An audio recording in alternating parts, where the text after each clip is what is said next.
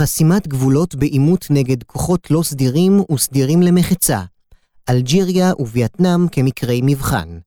מאת טל טובי. מתוך בין הכתבים, גיליון 22-23, מב"ם וביטחון שוטף חלק ג' מבוא אחד התנאים החשובים ביותר של כוחות לא סדירים או סדירים למחצה לניהול מלחמה, הוא הימצאותו של אזור בו יכולים הלוחמים למצוא מחסה, להתאמן, לבנות את כוחם, להצטייד ולהקים בסיסי פעולה מהם יצאו לפעולות קרביות. אזור מקלט הוגדר על ידי מאו זדונג כמעוז אסטרטגי אשר בעזרתו יכולות יחידות הגרילה לבצע את משימותיהן, לשמור על כוחותיהן ולהגדילן. כמו כן, מתוך אזורים אלו יוצאות יחידות הגרילה לפעולות נגד כוחות האויב. לטענתו של מאו, לא ניתן לקיים מלחמת גרילה ממושכת מעבר לקווי האויב, בלי בסיסים אסטרטגיים, כיוון שאלה משמשים כעורף עבור לוחמי הגרילה. במדינה גדולה בהיקפה הטריטוריאלי, כמו סין, היו בסיסים אלו בתוך המדינה, אך הם נמצאו הרחק ממרכז השלטון ומהישג ידו של הצבא. במדינות קטנות או במדינות בהן שליטת הצבא חזקה, ניתן לראות כי אזורי המקלט נמצאו מחוץ למדינה. מנגד, על הצבא הלוחם בארגוני הגרילה או בכוחות סדירים למחצה, לאתר היכן נמצאים המעוזים ולכוון את הפעילות הצבאית שלו כנגד אזורים אלה, על מנת למנוע מהגרילה לחזק את ארגונה הצבאי והפוליטי. לפיכך, הימצאותם של אזורי המקלט סותר את ההנחה כי ללוחמי הגרילה אין נקודות תורפה אסטרטגיות אשר עליהם להגן. כמו כן, ניתן להגדיר את הדרכים המובילות אל אזורי המקלט, ומשם אל עבר שטחי הפעולה, כדרכי התקשורת, המהווים בתפיסה הצבאית יעדים אסטרטגיים חיוניים, אשר יש להגן עליהם, ומן העבר השני, יעדים אסטרטגיים שיש להתקיף ולהשמיד. לפיכך, באם אזור המקלט נמצא מחוץ לשטח הנשלט על ידי הצבא הסדיר, הרי עליו להשקיע מאמצים גדולים בניסיון לחסום את הגבול ולמנוע את חדירתם של לוחמי הגרילה לשטח הנמצא בשליטתו. זאת במקביל בפעולות נגד האזורים עצמם. מטרת מאמר זה לנתח את תפיסת מערכת ההגנה על גבולות שנקטו צרפת במהלך המלחמה באלג'יריה וארצות הברית בווייטנאם, בהתמודדותן עם חדירת כוחות לא סדירים וסדירים למחצה לשטחים שנמצאו בשליטתן. בלחימה הצרפתית באלג'יריה התמקד רובו של המאבק בחסימת הגבול בין טוניסיה ואלג'יריה, קו מוריס, כשזירות משנה היו חסימת הגבול עם מרוקו, הסהרה וכן הנתיב הימי. המקרה האמריקני מציג שילוב של מכשול, קו מקנמרה, בצפון, יחד עם חסימה המבוססת על אש, בעיקר כוח אווירי, והפעלת כוחות מיוחדים, ללא מכשול פיזי מלאכותי, בגבולה המערבי של דרום וייטנאם עם לאוס וקמבודיה. מאמר זה התמקד בקו מקנמרה, אשר הציג מאפיינים מבצעיים הדומים למערכת הגנת הגבולות שהפעילה צרפת באלג'יריה. באופן פשטני, נוכל לקבוע כי שני מקרים אלה הדגימו הגנה קבועה המבוססת בעיקר על מכשול פיזי ואלקטרוני בעל מספר שכבות מבצעיות, אשר מטרתן הייתה לגבות את המכשול הפיזי. נגד התפיסה הפופולרית, הטועה והמטעה אודות כישלונם של הצרפתים באלג'יריה ושל האמריקנים בווייטנאם, נוכל לקבוע כי הניסיונות הצרפתיים והאמריקנים לחסימת נתיבי החדירה והגבולות יצרו אצל האלג'ירים והווייטנאמים הרגשה כי פעילות זו היוותה איום מוחשי על עצם קיומם ככוחות צבאיים. לפיכך, במימד הצבאי היו פעולות החסימה יעילות. עובדה זו מחזקת את הטענה כי לאזורי המקלט והדרכים המובילות משם אל עבר שטחי הפעולה, ישנה משמעות אסטרטגית קריטית. לפיכך, נוכל לטעון כי במימד הצבאי נזהה הצלחה, אך חוסר היכולת להשיג הכרעה צבאית ברורה, יחד עם ביקורת רבה מבית, תורגמו הנסיגות הצרפתיות והאמריקניות כתבוסה בשדה הקרב. יש לזכור כי שתי נסיגות אלו לא נבעו משינוי המציאות האסטרטגית לרעת צרפת וארצות הברית, אלא כתוצאה מהחלטות הדרג המדיני בשתי המדינות. אלג'יריה, קו מוריס המאבק של האלג'ירים נגד הצרפתים החל כמעט מיד עם כיבושה של אלג'יריה על ידי צרפת. ב-1830 נחתו כמה עשרות אלפי חיילים צרפתיים על אדמת אלג'יריה, הדיחו את המושל המקומי, וב-1834 הפכה אלג'יריה למושבה צרפתית. כבר באותה שנה פרצו מרידות מקומיות נגד הצרפתים, כאשר החשובה שבהן הייתה זו בהנהגת עבד אל-קאדר, שנמשכה עד 1847. בעשורים שלאחר הגעת הצבא הצרפתי, התארגנה התיישבות מסיבית של צרפתים, אשר השתלטה על שטחי האדמה הפוריים, ובהמשך שלטו גם על חיי הכלכלה באלג'יריה. התושבים המוסלמים לא זכו לאזרחות צרפתית, עובדה אשר מנעה מהם ייצוג במוסדות המדיניים והמשפטיים. בראשית המאה ה-20 העמיק הפער הכלכלי והחברתי בין הצרפתים ובין המוסלמים באלג'יריה. אינטלקטואלים אלג'יריים שבאו במגע עם הפוליטיקה האירופאית ועם הלאומיות הערבית, החלו נותנים ביטוי לתביעותיהם להגדרה עצמית ולעצמאות לאומית מצרפת. תחילת מלחמת העולם השנייה הביאה להפוגה בלאומיות האלג'ירית, אך המאבק התחדש ביתר שאת בסוף 1942, עם נחיתת כוחות אנגלו-אמריקניים במדינה. עד 1954 ניסתה התנועה הלאומית האלג'ירית להשיג באמצעים מדיניים את כינונה של מדינה שאת חוקתה תקבע אספה מכוננת ואת פינויו של הצבא הצרפתי, אך מאמצים אלו נכשלו. מתוך התנועה הלאומית פרש פלג קיצוני והקים את החזית לשחרור לאומי, אשר חבריו ראו במפלגות האחרות בוגדים. ה-FLN הטיף למרידה כללית בשלטון הצרפתי ולמלחמה בפייד נואר.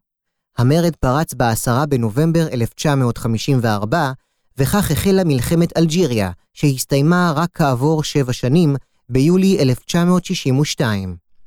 את המלחמה באלג'יריה ניתן לחלק באופן גס לשתי תקופות. הראשונה, מנובמבר 1954 ועד אמצע 1957. התקופה השנייה החלה בשלהי 1957 ועד לסיומה של המלחמה ביולי 1962. הטקטיקה הצרפתית עד 1957 הייתה הגנתית באופייה, והתבססה על הקמת מערכת מוצבים באזורים הסמוכים ליישובים כפריים. מתוך המוצבים יצאו סיורים והונחו מערבים. כמו כן, נערכו מעת לעת מבצעים רחבי היקף. פעולות אלו זכו להצלחה מועטה, ועדות לכך היו התגברות והתעצמות המתקפות של כוחות הגרילה האלג'יריים, ה-FLN, במיוחד בעיר אלג'יר. הצרפתים נכשלו בניסיונותיהם לשלוט באוכלוסייה המקומית, ושליטתם הצטמצמה בעיקר לדרכים הראשיות, ואילו הגרילה נעה בדרכים המשניות יותר. קרבת המוצבים הצרפתיים לכפרים סיפקה ל-FLN מידע על תנועת יחידות הצבא הצרפתיות. יחידות הפשיטה והסיורים היו קטנות וחסרו כוח אש, וכן לא נשארו די זמן בשטח על מנת לספק הגנה לכפרים או להרוס את התשתית הצבאית-פוליטית של ה-FLN. הסיורים נעו בצירים קבועים, ולכן היו שתי תוצאות. הראשונה, יחידות הגרילה היו יכולות להימנע ממפגש עימן. השנייה, הייתה הנחת מערבים לפטרולים הצרפתיים. גם מיקום המערבים שהניחו הכוחות הצרפתיים היה ידוע ללוחמי הגרילה שהיו יכולים להימנע מהם, או לחילופין, לתוקפם. מבצעים רחבי היקף חסרו את גורם ההפתעה וסיפקו למורדים שהות להימלט. כל הגורמים הללו, גם יחד, הביאו את ה-FLN לשנות את הטקטיקה שלו ולערוך מתקפות נועזות יותר בהיקפן ובעוצמתן. השינוי בטקטיקה ובאסטרטגיה הצרפתית החל במהלך 1957 עם הגעת יחידות העילית של הצבא הצרפתית מקרב הצנחנים וליגיון הזרים. כמו כן, כוחות צבא צרפת גדלו בצורה משמעותית. בשיאו מנה הצבא הצרפתי באלג'יריה כ-400 אלף חיילים. אזורים בהם הייתה נוכחות גרילה חזקה הוכרזו כאזורי ביטחון.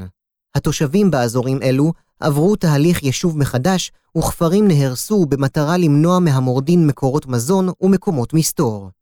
התנועה הותרה רק לכוחות צבא צרפתיים שקיבלו אישור לירות באופן חופשי. היוזמה ההתקפית של יחידות העילית הצרפתיות חיסלה בהדרגה את תשתית ה-FLN בערים המרכזיות, וכוחות משימה ניידים וחזקים פעלו בהצלחה רבה באזורים הכפריים. הפעילות הצבאית הצרפתית הוכיחה את עוצמתו של הצבא הצרפתי, וה-FLN נאלץ לפעול רק כנגד יחידות מבודדות וחלשות, ורק כשהיה משוכנע בהצלחתו. מפקד הכוחות הצרפתיים באלג'יריה, הגנרל מוריס של, התווה תוכנית אסטרטגית חדשה, שהיבטיה הצבאיים מעידים על נטילת יוזמה התקפית וכן הפקת לקחים שנעשתה בעקבות הניסיון הצרפתי בהודו-סין. התוכנית של של כללה 1. הריסת מעוזי ה-FLN בהרים, 2. חסימת הגבול עם טוניסיה, 3. בידוד אזורים על ידי כוחות צבאיים, 4. ביצוע פעולות בקרב האוכלוסייה המקומית וחימוש הכפרים על מנת שיגנו על עצמם. בהדרגה הכניס הצבא לפעולות מבצעיות, מסוקים ומטוסים איטיים מנמיכי טוס, אשר פגעו ביעילות רבה יותר במעוזי המורדים בהרים שבדרום המדינה. כמו כן, הוקמו יחידות עילית, שהובלו לשדה הקרב על ידי מסוקים. יחידות אלו נוצלו כעתודות ונשלחו באופן מיידי לכל מקום בו נערך עימות עם כוחות המורדים. הקצונה בדרג הביניים, רובם בוגרי המלחמה בהודו-סין, בנו מיחידותיהם קבוצות תקיפה בעלות ניידות רבה, שזכו להישגים נכבדים במהלך 1959.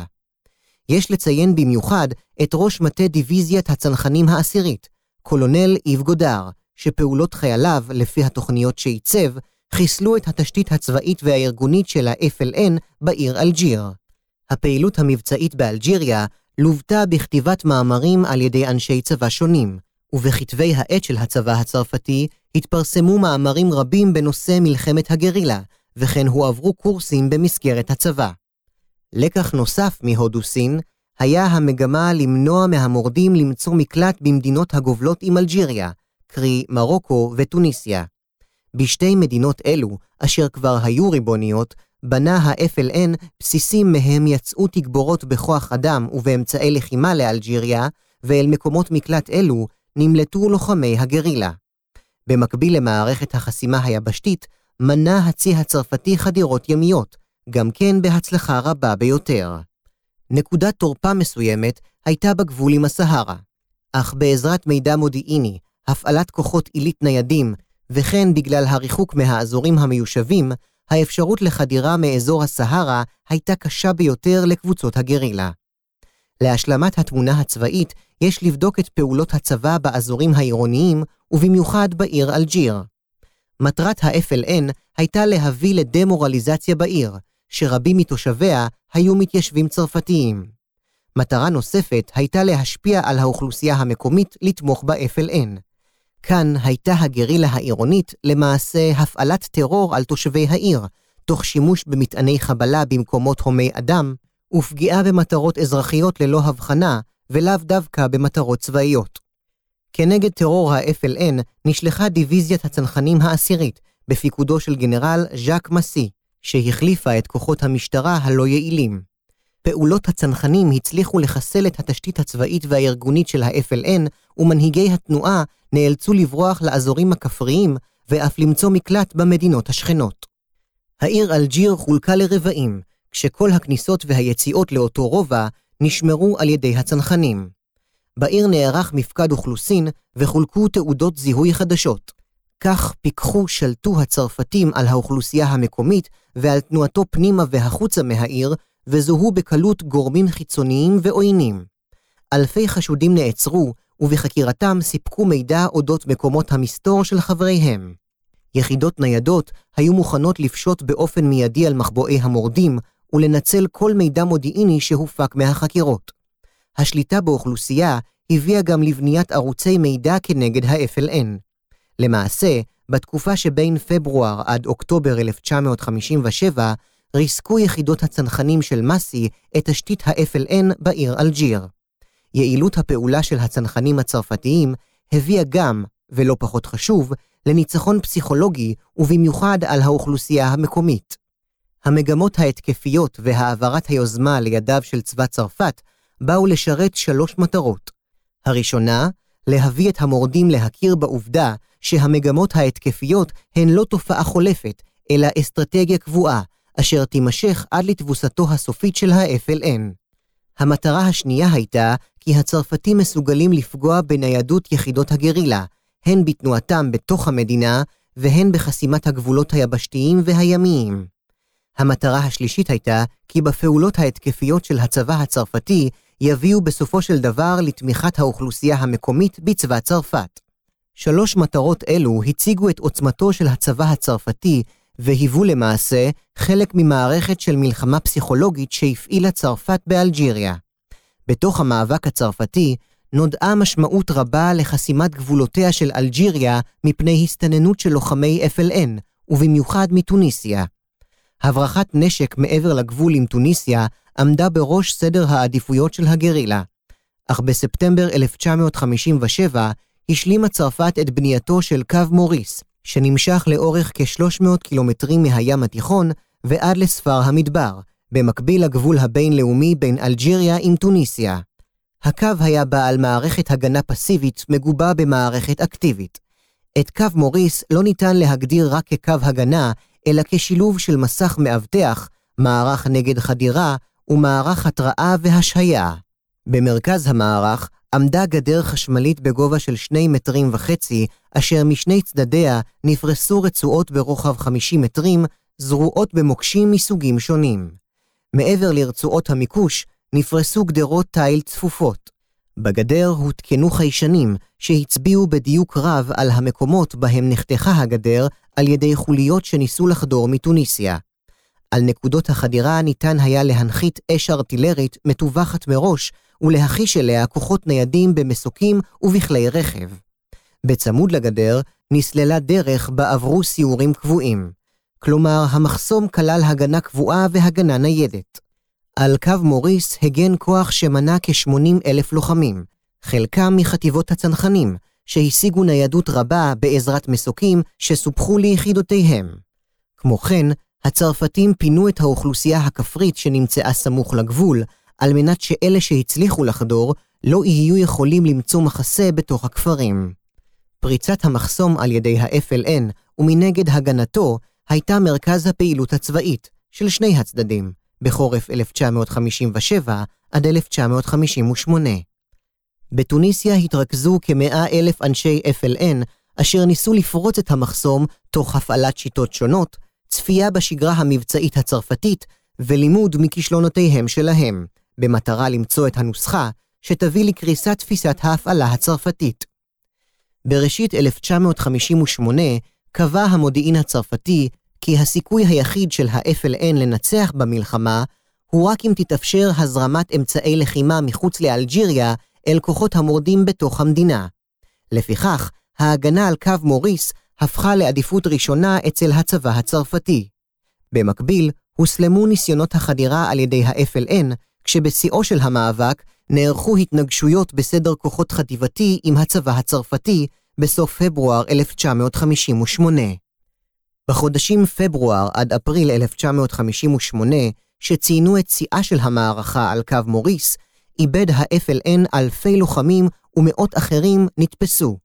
רבים מהם היו לוחמים ותיקים עם ניסיון קרבי, אשר היו חיוניים להמשך המאבק, וניתן לשער כי אבדות קשות אלה הביאו בסופו של דבר לכישלון הצבאי של ה-FLN במלחמה נגד צרפת.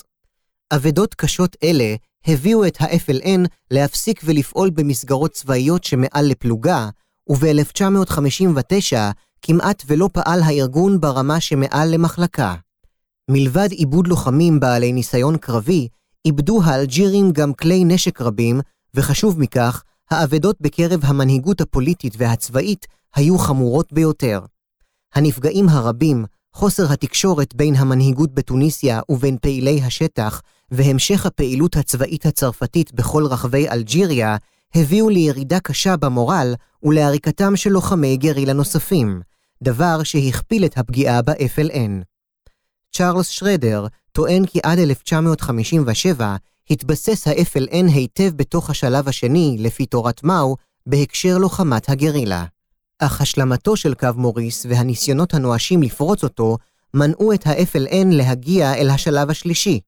האבדות הקשות והמשך הלחץ הצרפתי בתוך אלג'יריה אף החזירו את ה-FLN אל השלב הראשון. רובה של הלחימה היה בחלקו הצפוני של הקו, שם עזרה התכסית המיוערת ליחידות ה-FLN למצוא מחסה. אך יחידות ובודדים שהצליחו לעבור את הגדר ואת ההגנה הקבועה הצרפתית, רותקו כמעט תמיד על ידי כוחות מוטסים. תפיסת ההפעלה הצרפתית קבעה כי על הכוח הצרפתי לחסל את קבוצות החדירה לפני סוף היום שלאחר ליל החדירה, כיוון שלאחר שלב זה, יש ביכולתו של הכוח הפורץ להתפצל לקבוצות קטנות ולהתפזר בפנים הארץ. בסוף ינואר 1958 התירה הממשלה הצרפתית זכות מרדף לצבא הצרפתי מעבר לגבול בתוך שטחי טוניסיה. זכות המרדף ניתנה לאחר לחץ כבד של הקצונה הצרפתית. למרות שהקו מילא אחר ייעודו, הוא הוגדר כבעל מנטליות של התבצרות נייחת, כלומר, היוזמה הייתה בידיו של ה-FLN. הקצונה הצרפתית עדיין סבלה מטראומת דיאן ביאן פו, אשר נגרמה לדעתם עקב עיבוד היוזמה ההתקפית של הצבא הצרפתי והעסקתו בהגנה קבועה. לפיכך, הדרך הסופית למיגור ה-FLN הייתה לפגוע בו בשטחים ששימשו לו אזורי מקלט, קרי בתוך שטחה של טוניסיה. זכות המרדף והפשיטות הצרפתיות בתוך שטחה של טוניסיה אומנם מהווים יוזמה התקפית טקטית, אך למעשה יש לראותן כמרכיב נוסף בתפיסת ההגנה הצרפתית, וככאלה המהוות נדבך תומך במכשול הקבוע. כמו כן, נוכל להגדיר את הפשיטות לתוך טוניסיה כמעין יצירת עומק טקטי זמני. ההחלטה המדינית לאפשר זכות רדיפה לא הגדירה את אופי המרדפים, אילו כוחות יופעלו ועד איזה מרחק יגיעו הכוחות הצרפתיים בתוך טוניסיה. ב-8 בפברואר הפציצו מטוסים צרפתיים כפר טוניסאי תוך פגיעה קשה באזרחים. בעטיו של אירוע זה ביטלה הממשלה את זכות המרדף. יחד עם זאת, הצליח הצבא הצרפתי במניעה כמעט מוחלטת של חדירה מטוניסיה תוך פעילות התקפית אינטנסיבית בתוך אלג'יריה. מגמות התקפיות אלו פגעו אנושות בכוחו של ה-FLN. על מנת להקל על הלחץ, הוגדר ליחידות ה-FLN בתוך אלג'יריה להימנע מקרבות עם הכוחות הצרפתיים ולפעול ביחידות קטנות בפעולות מקומיות ומזדמנות על מנת לא ליצור דפוס פעולה, להקשות על הצרפתים לאסוף מודיעין ולמעשה לשמור על אש קטנה את ההתקוממות. כמו כן, ניסה ה-FLN למצוא דרכים שיעקפו את קו מוריס, אך ללא הצלחה. במקביל, הפעיל ה-FLN לחץ גובר על הגדר על ידי הפגזות באש ארטילרית את היחידות הצרפתיות, במטרה להציק לצבא הצרפתי מהשטח הבטוח של טוניסיה. ה-FLN העריך כי פעילות כזו תרתק לגבול כוחות צרפתיים ניכרים, שיעניק ליחידות ה-FLN בתוך אלג'יריה הקלה מהלחץ הצבאי הצרפתי. ב-1 בנובמבר 1958 ניסה ה-FLN לפרוץ את הגדר בפעם האחרונה בכוחות ניכרים. הכוחות הצרפתיים היו ערניים, והפריצה הסתיימה בכישלון מוחלט ורב אבדות עבור ה-FLN. הערכת ה-FLN הייתה מוטעית, כיוון שעם חסימת הגבול המזרחי, פתח מפקד הכוחות הצרפתיים באלג'יריה, של, מתקפה רחבת היקף על מעוזי ה-FLN בתוך המדינה. קו מוריס, יחד עם הפעילות ההתקפית היזומה בתוך אלג'יריה, חיסלה כמעט לחלוטין את כוחו הצבאי של ה-FLN. אך הלחץ הפוליטי, החיצוני והפנימי שהופעל על צרפת, הוא שהביא בסופו של דבר להחלטתו של דה גול לפנות את אלג'יריה. יש לציין כי גם החסימה הכמעט מוחלטת של הגבולות יצרה את היריבויות הפוליטיות הפנים-אלג'יריות שלאחר קבלת העצמאות. זאת כיוון שחוסר היכולת של ארגון ה-FLN להקרין את מנהיגותו בתוך אלג'יריה, הביאו להקמתן של אלטרנטיבות פוליטיות אחרות. קו מקנמרה ביולי 1954 נחתם בז'נבה הסכם אשר סיים למעשה את השליטה הצרפתית בהודו-סין. במסגרת ההסכם הוקמו המדינות לאוס וקמבודיה, והוחלט על חלוקת וייטנאם לשתי מדינות בקו הרוחב 17. בצפון שלטה המפלגה הקומוניסטית בהנהגתו של הו צ'י מין, ואילו בדרום היה השלטון בידיו של הקיסר באו דאי. עוד נקבע כי ב-1956 ייערך בווייטנאם משאל עם, בו יחליט העם הווייטנאמי אם ברצונו להיות תחת שלטונו של הו צ'י מין או תחת שלטונו של הקיסר. משאל עם זה מעולם לא נערך, ובהדרגה זנחה צפון וייטנאם את המאמצים המדיניים וחזרה לאמץ דפוסי פעולה צבאיים עבור איחוד מלא של וייטנאם. החשש האמריקני היה כי הוואקום המדיני שנוצר עם הפינוי הצרפתי יתמלא על ידי הקומוניזם. על מנת למנוע את כיבוש הדרום על ידי הצפון, החלה ארצות הברית בשליחת סיוע כלכלי וצבאי מסיבי למדינה. כמו כן, לדרום וייטנאם נשלחו כמה מאות קצינים וחיילים, אשר משימתם הייתה להקים צבא לדרום וייטנאם ולאמנו באמצעי הלחימה האמריקניים. בתהליך הדרגתי, לעבר המחצית השנייה של שנות ה-60, מצאו עצמם החיילים האמריקניים, שמספרם הלך וגדל, בלחימה ישירה מול כוחות צבא צפון וייטנאם ויחידות הגרילה הקומוניסטיות, הווייט קונג. החל מ-1959 החלו יחידות צבא צפון וייטנאמיות לחדור לדרום וייטנאם, הן מהגבול שנקבע בין שתי המדינות, קו הרוחב 17, והן מכיוון לאוס, נתיב הו צ'י מין. אמנם עוד קודם למעורבותה הישירה של ארצות הברית בווייטנאם, פעלו כוחות אמריקניים נגד חדירות אלה, אך בעיה זו הפכה לאקוטית עם ההסלמה של המלחמה בשלהי 1965. באופן פשטני נוכל לקבוע כי מול נתיב הו צ'י מין הפעילה ארצות הברית חסימה המבוססת בעיקרה על אש, קרי הפצצות אינטנסיביות על אזורים שנחשדו כי בהם עוברות השיירות הצפון וייטנמיות.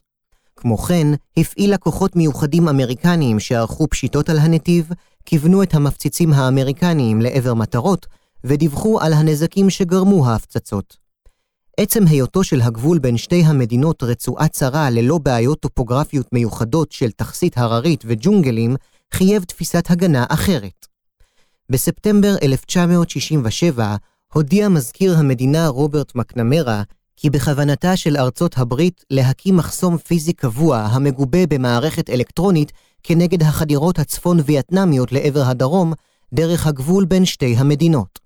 הרעיון נהגה בשלב מאוחר זה, כאשר המלחמה כבר בעיצומה, כיוון שההצעה האמריקנית כי בגבול יוצבו כוחות בינלאומיים נדחתה על ידי אותן מדינות אשר מקרבן היו צריכות להגיע כוחות הצבא. כסיבה שנייה, נוכל לציין את הערכת האמריקנים כי הפצצת בסיסי היציאה של הכוחות הווייטנאמיים במרחב שבין קווי הרוחב 17 עד 19 לא השיגה את יעדיה. מספר גיחות ההפצצה עלה מ-55,000 ב-1965 ל-148,000 ב-1966. כמות הפצצות בטון עלה מ-33,000 טון לחודש ל-128,000 טון. למרות זאת, המשיכו חיילים צפון וייטנאמיים רבים לחדור לתוך דרום וייטנאם דרך הגבול המשותף בין שתי המדינות. מטרתו של המחסום הפיזי הייתה לעכב את הכוחות המסתננים, ואילו מטרתו של המחסום האלקטרוני הייתה להתריע בפני חדירות אויב ולכוון ארטילריה וכוחות לעבר נקודות החדירה. המחסום האלקטרוני היווה שילוב של תפיסה הגנתית כפולה, קבועה וניידת. המערכת הקבועה כללה מוצבים, גדרות המספקות אינדיקציה במקרה של חדירה דרכן ומיקוש, והמערכת הניידת של הבאת כוחות לנקודות בהן זוהתה חדירה של כוחות אויב, וכן ירי ארטילרי לאזורי החדירה. רוג'ר פישר, עוזר תת-מזכיר ההגנה, טען כי ניתן לחסום את נתיבי החדירה בעזרת מחסום טכנולוגי. הצעתו של פישר הגיעה ברגע הנכון. באותו זמן, דנה מחלקת ההגנה בדרכים לחסום את נתיבי החדירה מהצפון לדרום, ובעיקר את נתיב הו צ'י מין, ומקנמרה העביר את הצעתו של פישר לקבוצת מחקר בשם Jason Division, גוף שהוקם ב-1959 ואשר העסיק 45 מטובי המדענים של ארצות הברית. הצעתו של פישר הייתה למעשה העתקה ושדרוג הקונספציה הטכנולוגית ששימשה את קו מוריס הצרפתי באלג'יריה. קבוצת החשיבה הציגה את מסקנותיה בפני הממשל האמריקני בקיץ 1966. המסקנה הראשונה הייתה כי אכן ההפצצות מהאוויר לא השיגו את יעדיהן המבצעיים, וכי גם הגברת קצב ההפצצות לא תביא את ההצלחה המקווה ותגרום לצפון וייטנאם להפסיק את המלחמה. המסקנה השנייה, למעשה המלצה לפעולה, הייתה להשתמש במערכות חיישנים שיגובו על ידי מיקוש מסיבי של אזורי החדירה. כמו כן, המליצה הוועדה כי על ארצות הברית להמשיך בפיתוחים טכנולוגיים על מנת למנוע מהאויב למצוא את הדרכים לנטרל הן את החיישנים והן את המוקשים. הפיקוד הצבאי הבכיר שניהל את המלחמה בווייטנאם התנגד לחסימה אלקטרונית של הגבולות, כיוון שתפיסה זו הייתה תפיסה הגנתית באופייה, ולא התאימה לאתוס שקידש את היוזמה ההתקפית האמריקנית המסורתית. אדמירל גרנט שרפ, מפקד פיקוד האוקיינוס השקט, טען כי מחסום אלקטרוני לא יהיה יעיל ללא גיבוי של כוחות קרקעיים. בגישה דומה החזיק גם מפקד הכוחות האמריקניים בווייטנאם, הגנרל ווסטמורלנד. מפקד כוחות המרינס בווייטנאם, הגנרל וולט, התנגד נמרצות לכל תפיסת ההפעלה שהציגה קבוצת החשיבה. לטענת וולט, יש להתמקד בהגנה ניידת שתביא לידי ביטוי את עליונות הניידות וכוח האש הגבוהים של ארצות הברית. בתגובה הציעה הוועדה על המשך המחקר ועיצוב המלצות חדשות, אך מקנמרה אישר כנגד דעת קציניו את ההמלצות, ומבלי לערוך מחקרים נוספים. מפקדת הכוחות האמריקניים בווייטנאם החלה בתכנון המחסום תוך התבססות על המתווה של קו מוריס. התוכנית קבעה את בנייתו של קו חשוף ברוחב 600 עד 1,000 מטרים, במקביל לקו הגבול בין דרום וייטנאם וצפון וייטנאם עד כ-30 קילומטר לתוך לאוס, סמוך למורדות ההרים. המחסום כלל גדרות תיל, שדות מוקשים, חיישנים מסוגים שונים, מגדלי שמירה ומוצבים. מאחורי הקו הוצבו סוללות תותחים, אשר קיבלו מידע מהחיישנים הפזורים על הקרקע ומתצפיות, ופתחו באש על נקודות בהן זוהתה חדירה.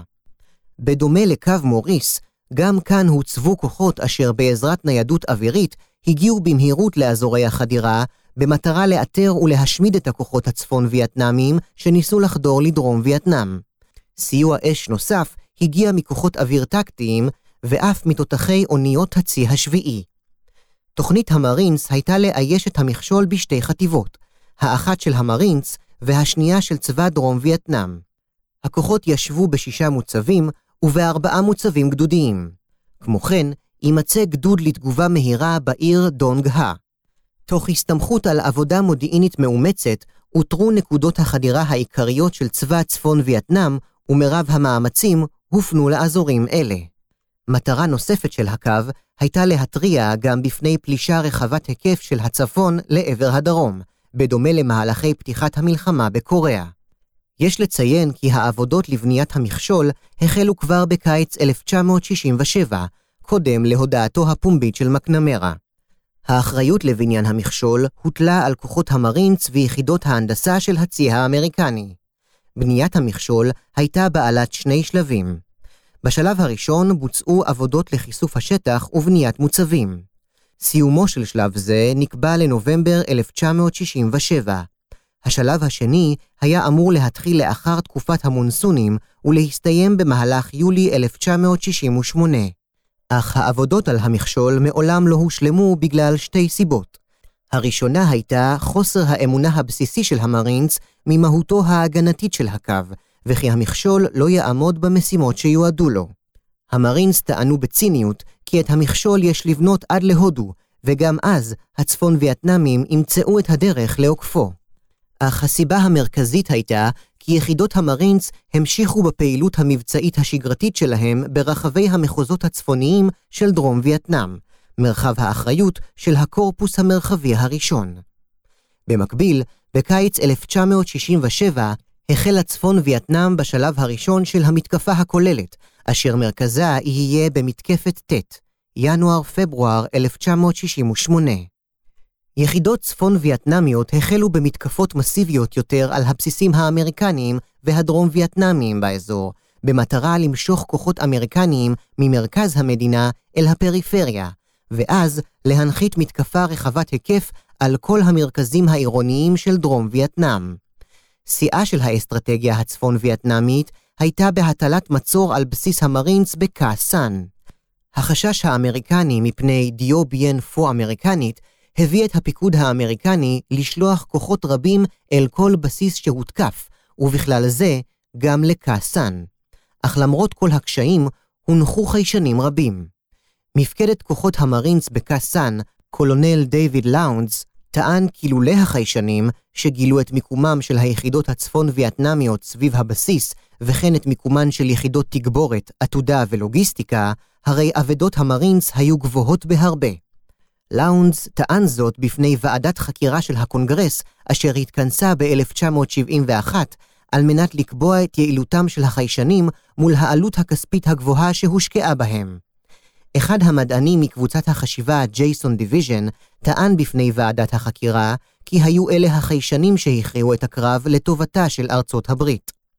ייתכן כי החיישנים הצילו את המרינס, אך מתקפת טט בכלל, והמצור על קה סאן בפרט, הביאו לסיום העבודות על קו מקנמרה מבלי שבנייתו הושלמה, עם ההבנה כי מול הכוחות האמריקניים לא עמדה חזית ליניארית, אלא הם היו מוקפים 360 מעלות.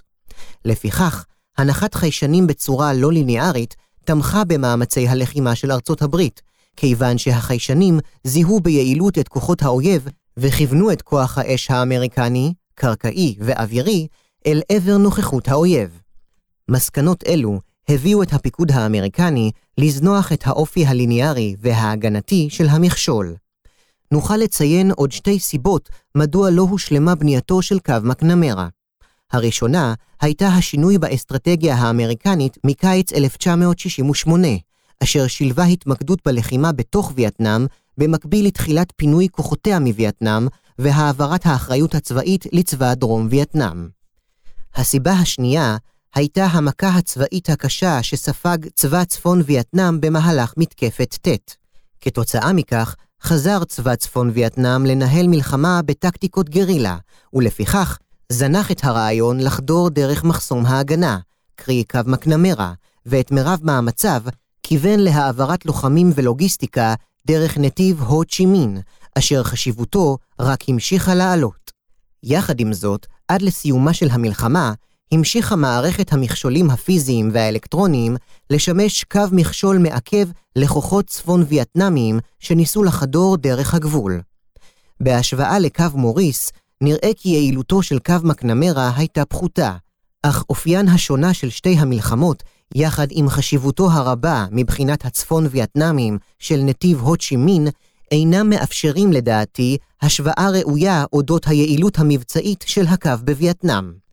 יחד עם זאת, היעדרו של קו כזה היה מאפשר חדירה מהירה יותר מהצפון לדרום, ולפיכך, מול הכוחות האמריקניים והדרום וייטנאמיים, היה עומד אתגר מבצעי גדול יותר. כך נוכל לסכם כי אם קו מוריס למעשה מוטט את ה-FLN, הרי קו מקנמרה מנע מהכוחות הצפון וייטנאמיים ריכוז כוחות בתקופה קצרה.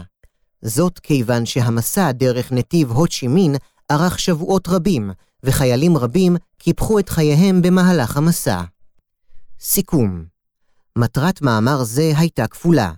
ראשית, לבחון מקרים היסטוריים בהם מצאו עצמם צבאות סדירים מתמודדים מול ניסיונותיהם של כוחות לא סדירים או סדירים למחצה לחדור לשטחי פעולה. שנית, להראות כי גם לכוחות לא סדירים יש מרכזי כובד אשר הפגיעה בהם יכולה לשבש קשות את פעולתם, וייטנאם, ואף להכריעם, אלג'יריה. הדיון בפעולותיהן של צרפת וארצות הברית מעלה את העובדה כי שתיהן נמצאו במגננה. מושג זה ניתן להגדיר כמהות אסטרטגית הבאה למנוע מהאויב הישגים צבאיים או מדיניים.